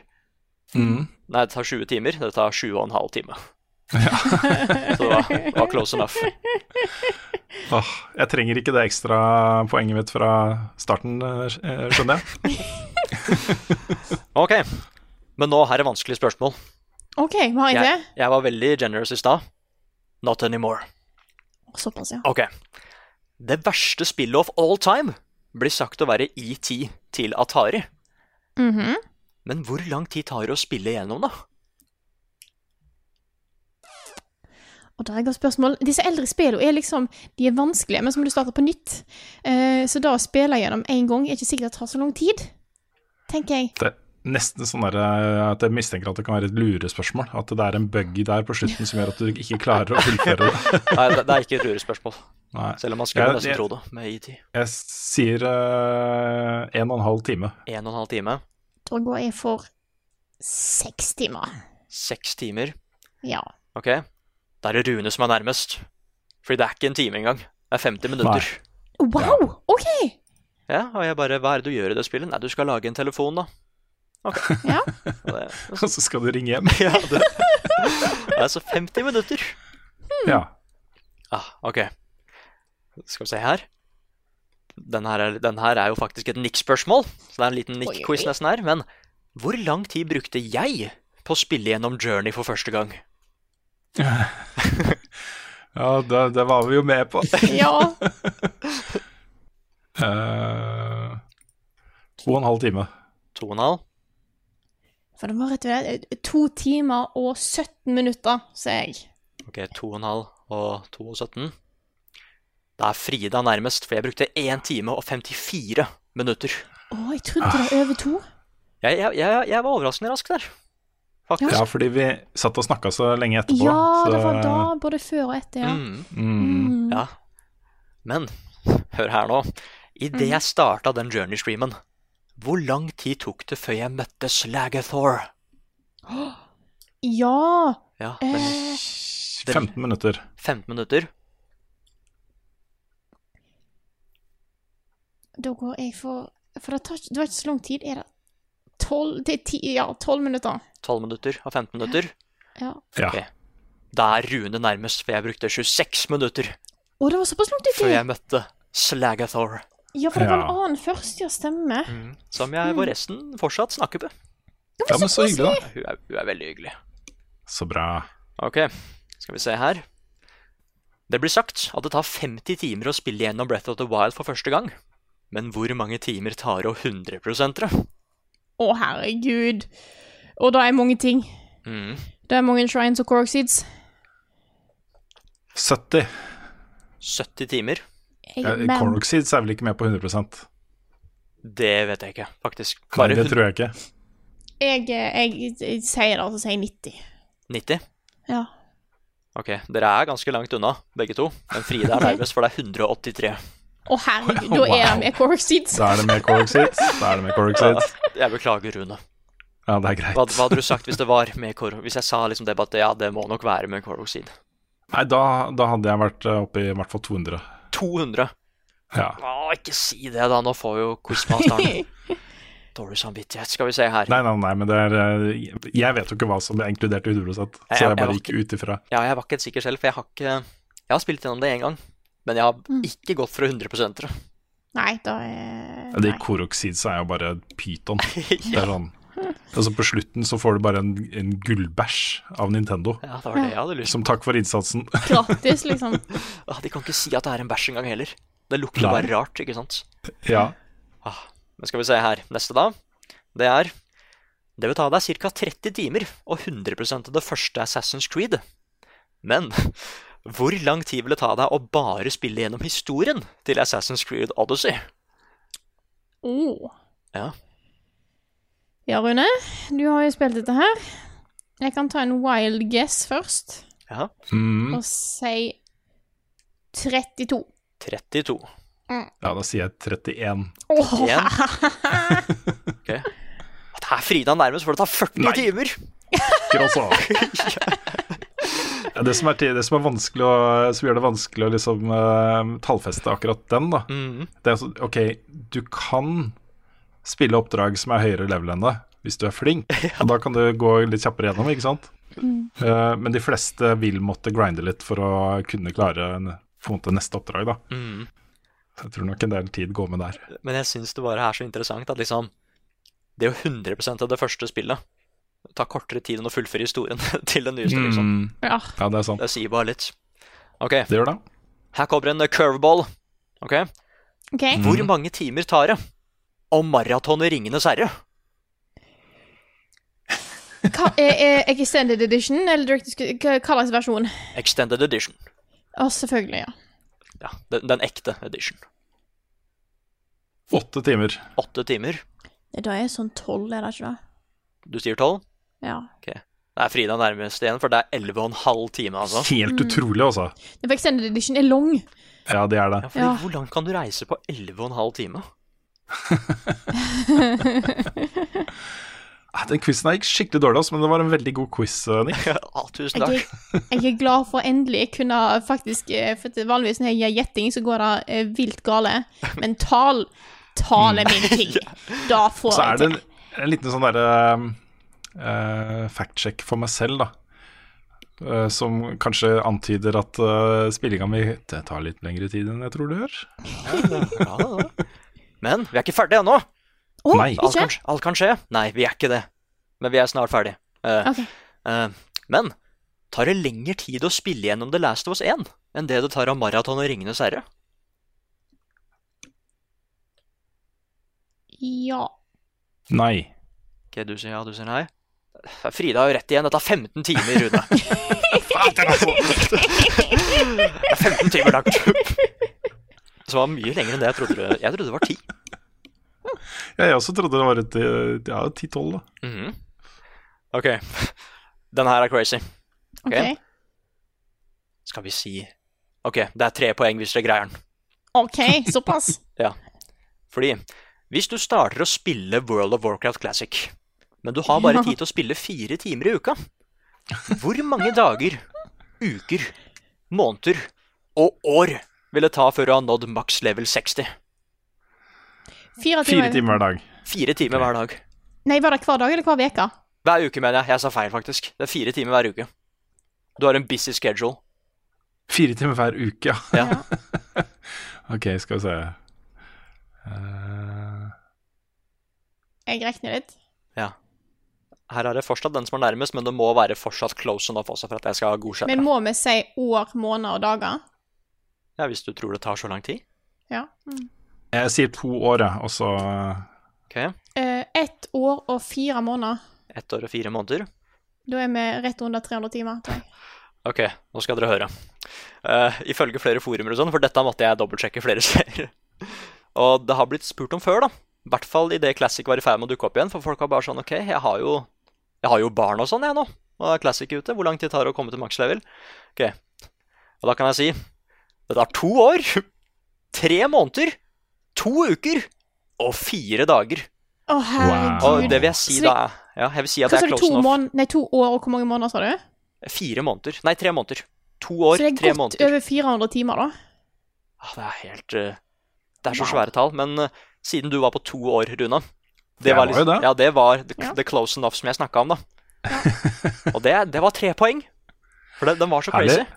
Ja. Nå trykka jeg tre ganger, altså. Bam, bam, bam. Shit. Ja, jeg skal ikke si scoren, Fordi da kan vi holde det litt spennende, ikke sant. OK, Mhm. her kommer en skikkelig doozy. Vi har ikke så lenge igjen, altså. Jeg lover. Men OK.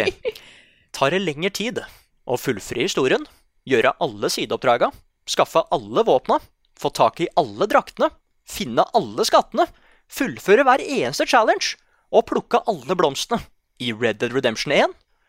Eller tar det lengre tid å fullføre historien i Red Dead Redemption 2?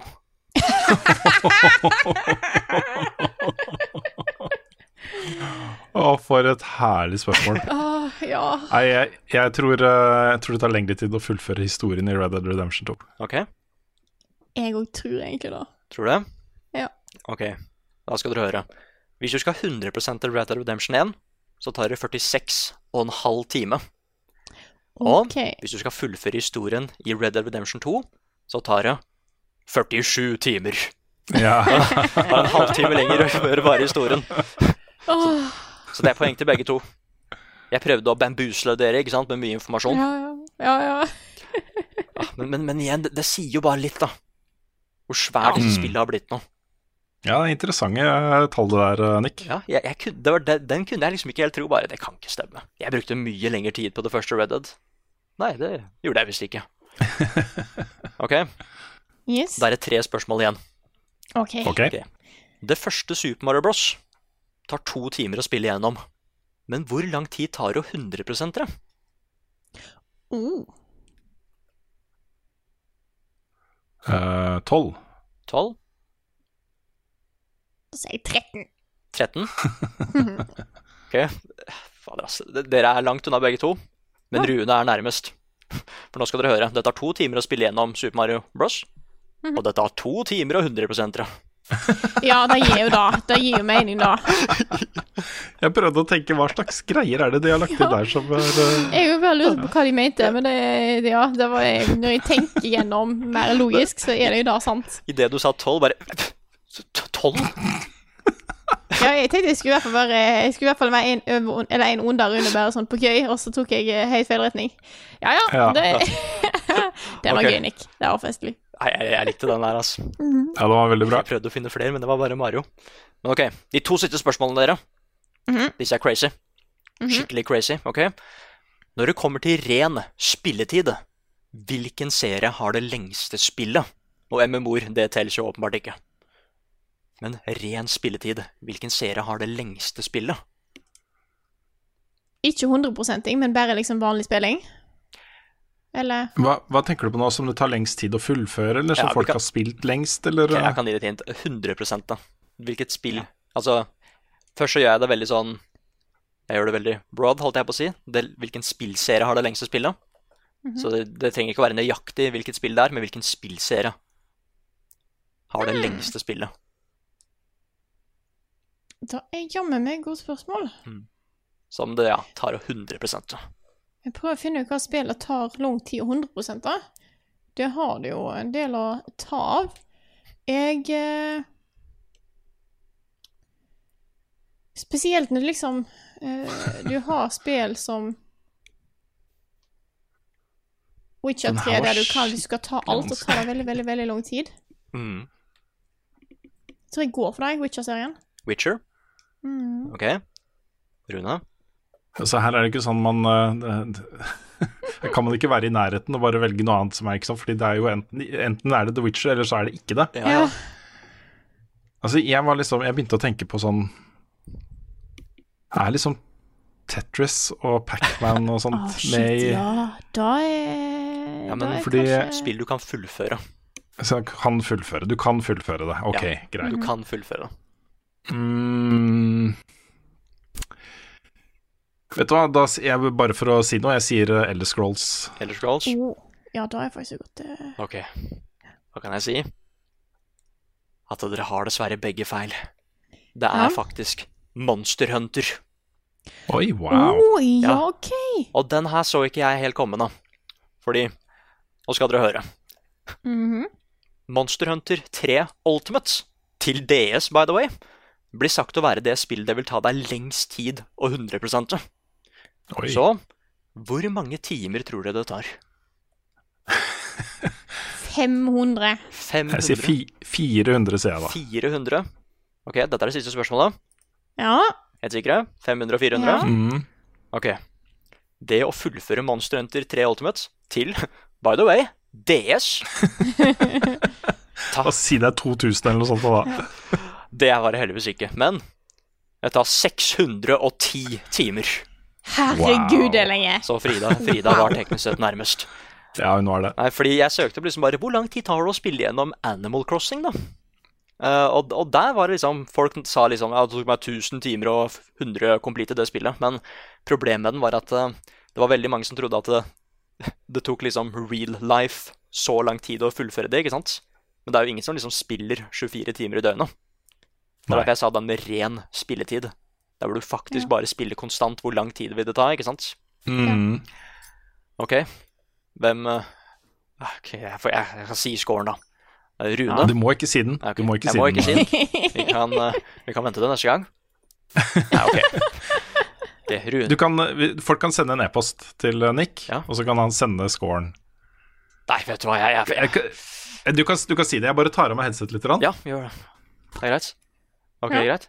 Eh, Rune fikk 12 poeng, Ja. og Frida fikk 19. Woho! Ok. Kan, jeg, kan, Rune kan ta Ja, på seg han kan headset igjen nå? Mm. Yes. Mhm. Yeah, det var en flott quiz, dere. Wow, wow. Det var en flott quiz. Det var kjempebra. Jeg storkoste meg. Right, 1.21. Det en bra quiz, Nick. Ja, Den tusen, var kjempefin. tusen takk. Jeg håper ikke den var for lang. Nei, nei, nei, det her funker som bare det. Det, er Ja, ja. det var mye sånn interessant info i den også, så det Ja. var en, uh, godt stykke arbeid. Ja, fordi det, det, det liksom starta bare Jeg får bare gå gjennom alle spilla på How Long To Beat, men så bare dukka det opp så mye interessant informasjon. Mm. Den på den Outer Wildsen. Den bare Ja. Ja, da er jo kjempekul data å ha. ja. Sånn fikk de tak i den. Hva er dines best, hvordan fredag sist har Carl egentlig sopp? Ukens spørsmål. Og vi starter med et eh, spørsmål som dukker opp litt sånn jevnt og trutt. Og det er litt gøy å svare på, òg, så vi tar den òg. Det er Martin Solli. Han spør hva er deres guilty pleasure? Ja, spesifisert som da filmer, spill eller uh, sanger, artister. Yes. Mm. Jeg vil jo begynne med å si da at, uh, at uh, begrepet guilty pleasure ikke nødvendigvis er noe negativt. Nei. Altså, man, man kan Ikke sant? Men uh, det hender jo at man liker ting som man ser at dette har liksom ikke den samme dybdekvaliteten på de andre tingene som jeg liker å liksom ha som kulturelle markører for meg selv, ikke sant? Så det, det skjer jo. Det skjer av og til. jeg vet ikke om jeg tør å begynne. Det var du som foreslo spørsmålet, Rune, så jeg tror kanskje du skal begynne. jeg. Ok. Det, altså, jeg syns ikke det er flaut heller, egentlig. da Det bare er, det gjør litt vondt å si det, da. Men jeg har Jeg, har, eh, jeg er veldig glad i musikk. Og mesteparten av den musikken jeg liker, vil jeg si er liksom kvalitetsmusikk, da, sånn for å være litt uh, fisefin på det. Altså ting som uh, mange andre liker, og som blir hylla av kritikere og, og sånne ting. Og som er litt bra, da. Men av og til så må jeg liksom sette på litt uh, Sia eller uh, Rihanna eller uh, og sånn veldig gjennomprodusert sånn derre matematisk pop, da. Som bare er lagd Altså som er skreddersydd for å liksom trigge de riktige sånn pleasure-greiene i, i ørene dine, på en måte. Du har ikke pleasure-ting i ørene, men også Som er så fengende, da. At du bare blir bare sånn Åh, det her er så bra. Selv om det egentlig ikke er så bra. Så, så det er min guilty pleasure. Og da er det liksom Sia, Rihanna, den type musikk, da. Ikke alt de lager, men noe av det. Jeg eh, har en ting eh, med at jeg Som regel, hvis jeg setter meg ned og ser noe på TV-en min, så er det en gode TV-serier eller film. Jeg ser veldig lite på TV, men det hender at hvis jeg bare skal ha på noe i bakgrunnen, jeg må bare slappe av med et eller annet ræl, så er det TLC, altså. TV-kanalen TLC har altså så mye knask av rare program. Uh, og det er greit. Say yes to the dress. Nydelig program. Elsker det. Det er helt perfect eh, for meg innimellom. Rune sitter og ler seg i hjel. Det er jeg helt, helt inne for. Men det, her, det har blitt en sånn ting med jeg og et par at hvis vi på en måte bare ikke har noe å gjøre, så setter, vi, så setter vi på TLC og ser hva i svarte rart som foregår der. Og det er mer en fascinasjon, egentlig. Fordi at det er, det er Du får en sånn innblikk i veldig andre rare situasjoner. Det er mye rare ting. Det er, det var vel Jeg husker ikke hva det heter, men det er et program der eh, det er to stykker som skal gifte seg. Eh, og så gir dama alt ansvar for planlegging av bryllupet til mannen. Eh, og han får veldig kort tid, og han skal finne liksom alt fra kjole til lokale og alt mulig rart. Og da er noe, da er noe trash-greier, Altså, men det er bare sånn Av og til så er det det jeg trenger.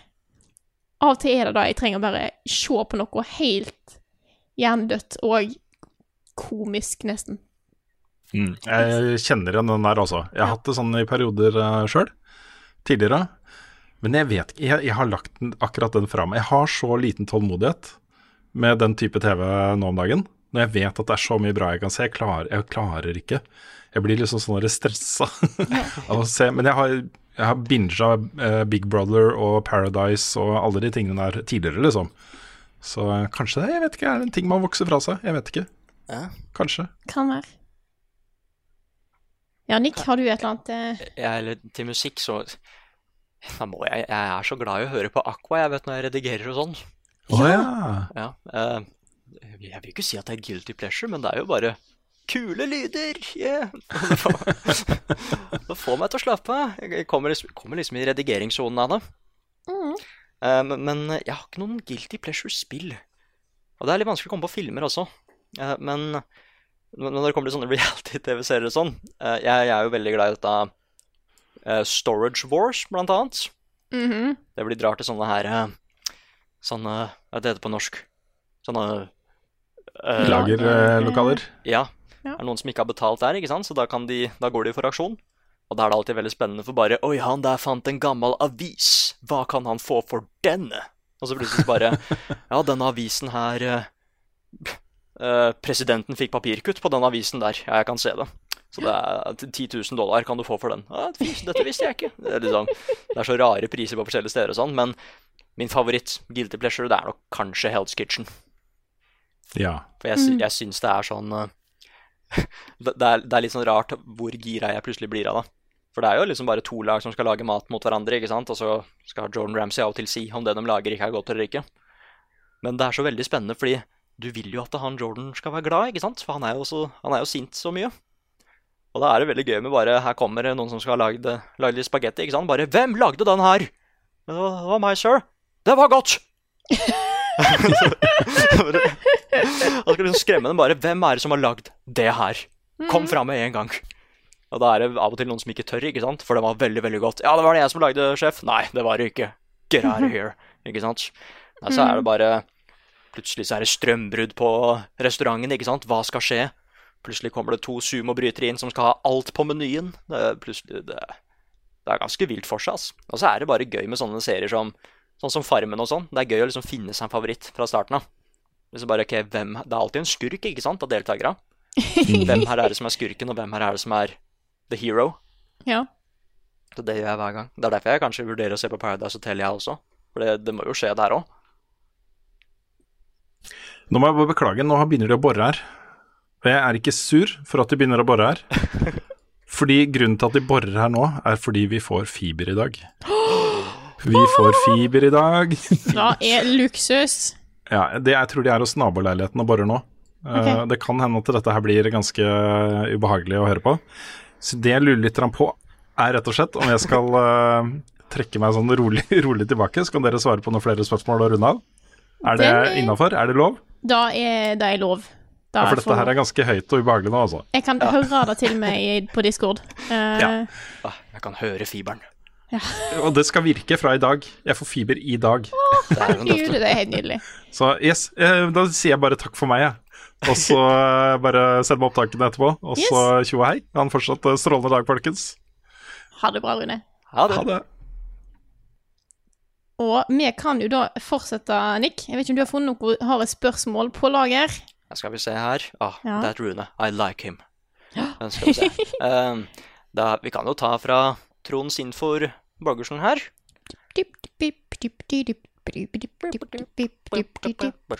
Ok, skal vi se. Det blir produsert remakes i hytt og vær for tida. Men hva vil dere ønske mest av følgende? Remake av et spill fra tidligere generasjon? Eller til, oppfølger til et spill fra tidligere generasjon? Det var eh, fantastiske Trond Sinfor Borgersen sin eh, teamlåt der, på eh, kort varsel av meg. Ja, Eh, Så ja, en- remake eller nytt spill, ja. Ja, remake eller nytt spill, rett og slett. Jeg har jo et svar her fra meg. Ja.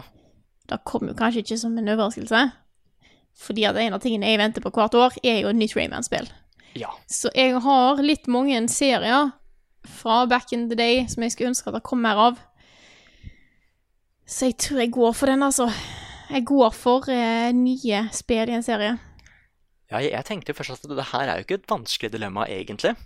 Jeg vil jo så helst ha, ha noe nytt, men Mm. hva hvis det plutselig ødelegger det forholdet du har for det, for det forrige, da?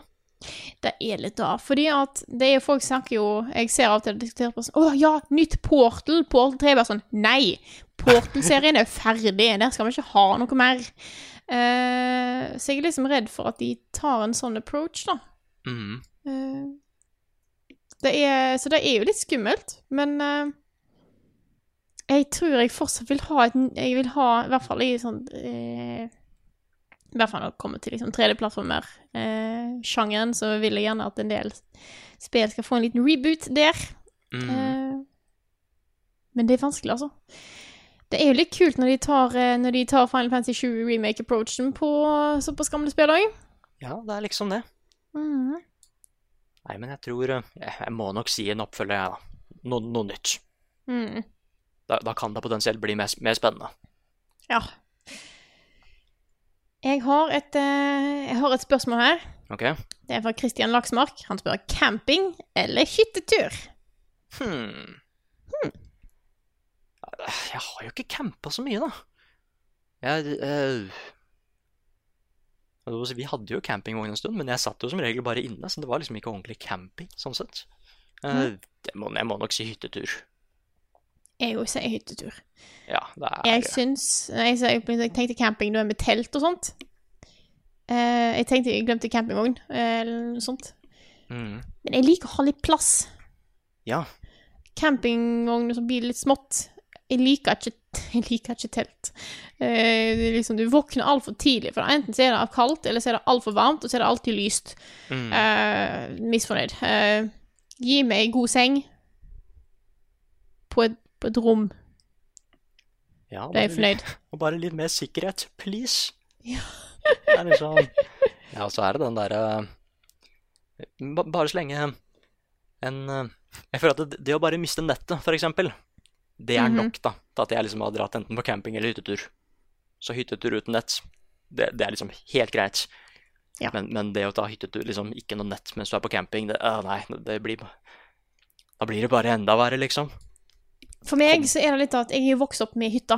Eh, ikke på fjellet, sånn som mange har, men jeg har hytta langs kysten.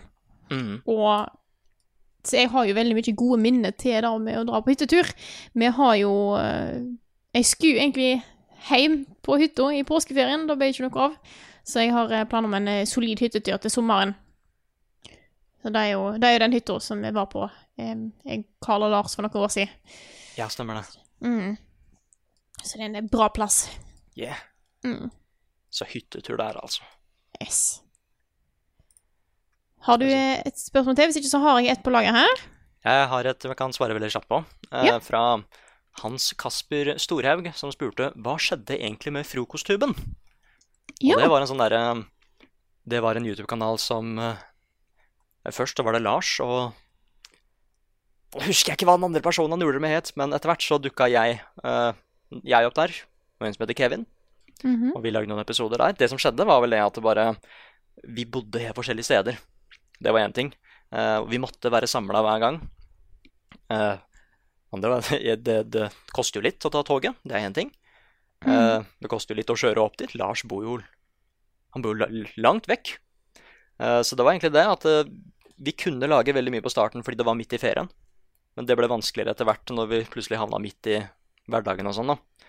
Eh, og vi hadde ikke lyst til å liksom bare filme mange episoder etter hverandre fordi vi hadde litt lyst til å være litt aktuelle.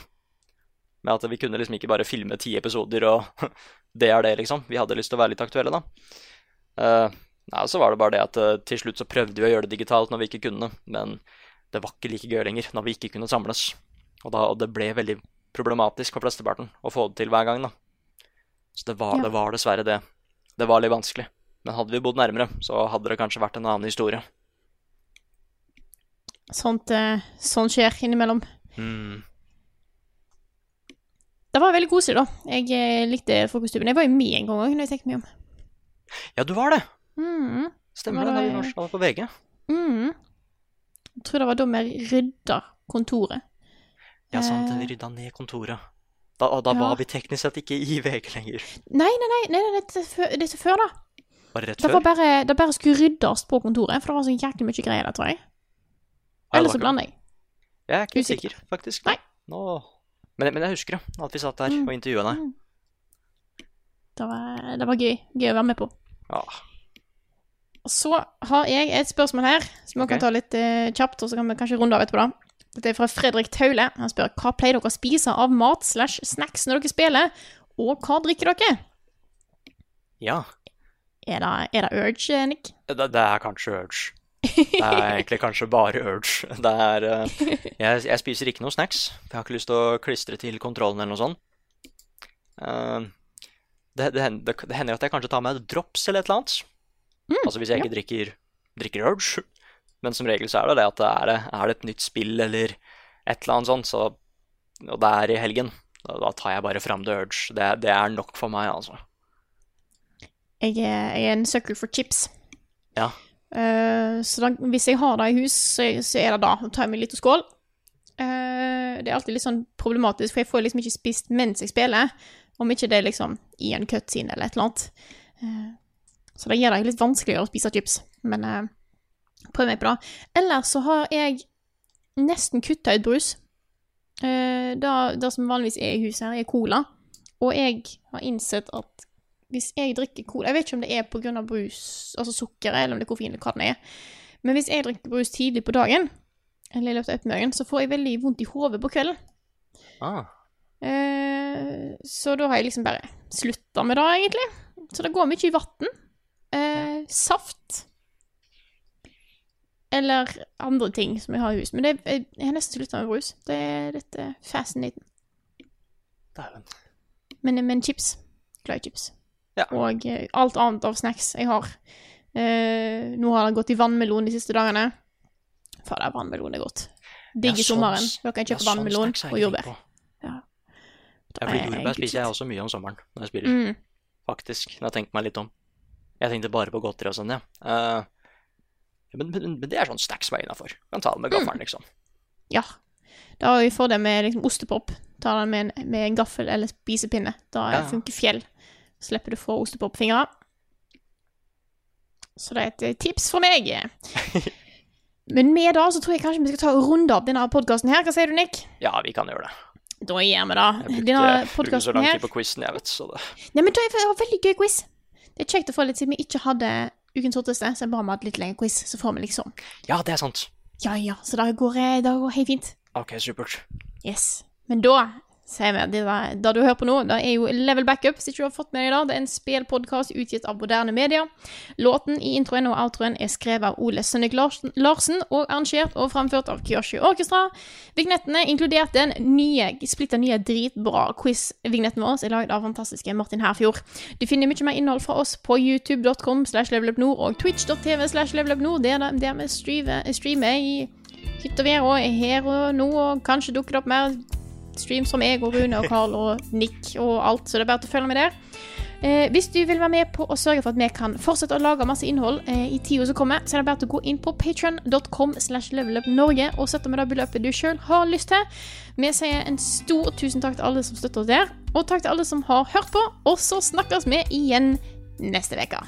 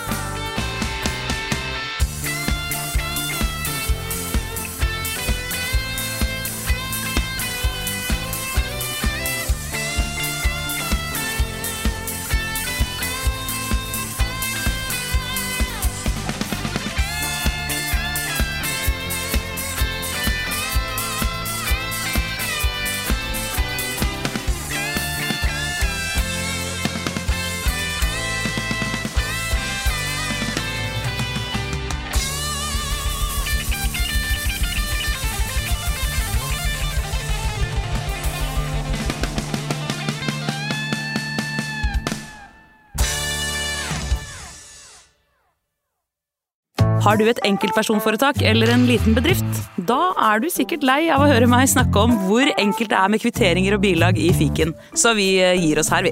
Fordi vi liker enkelt. Fiken superenkelt regnskap.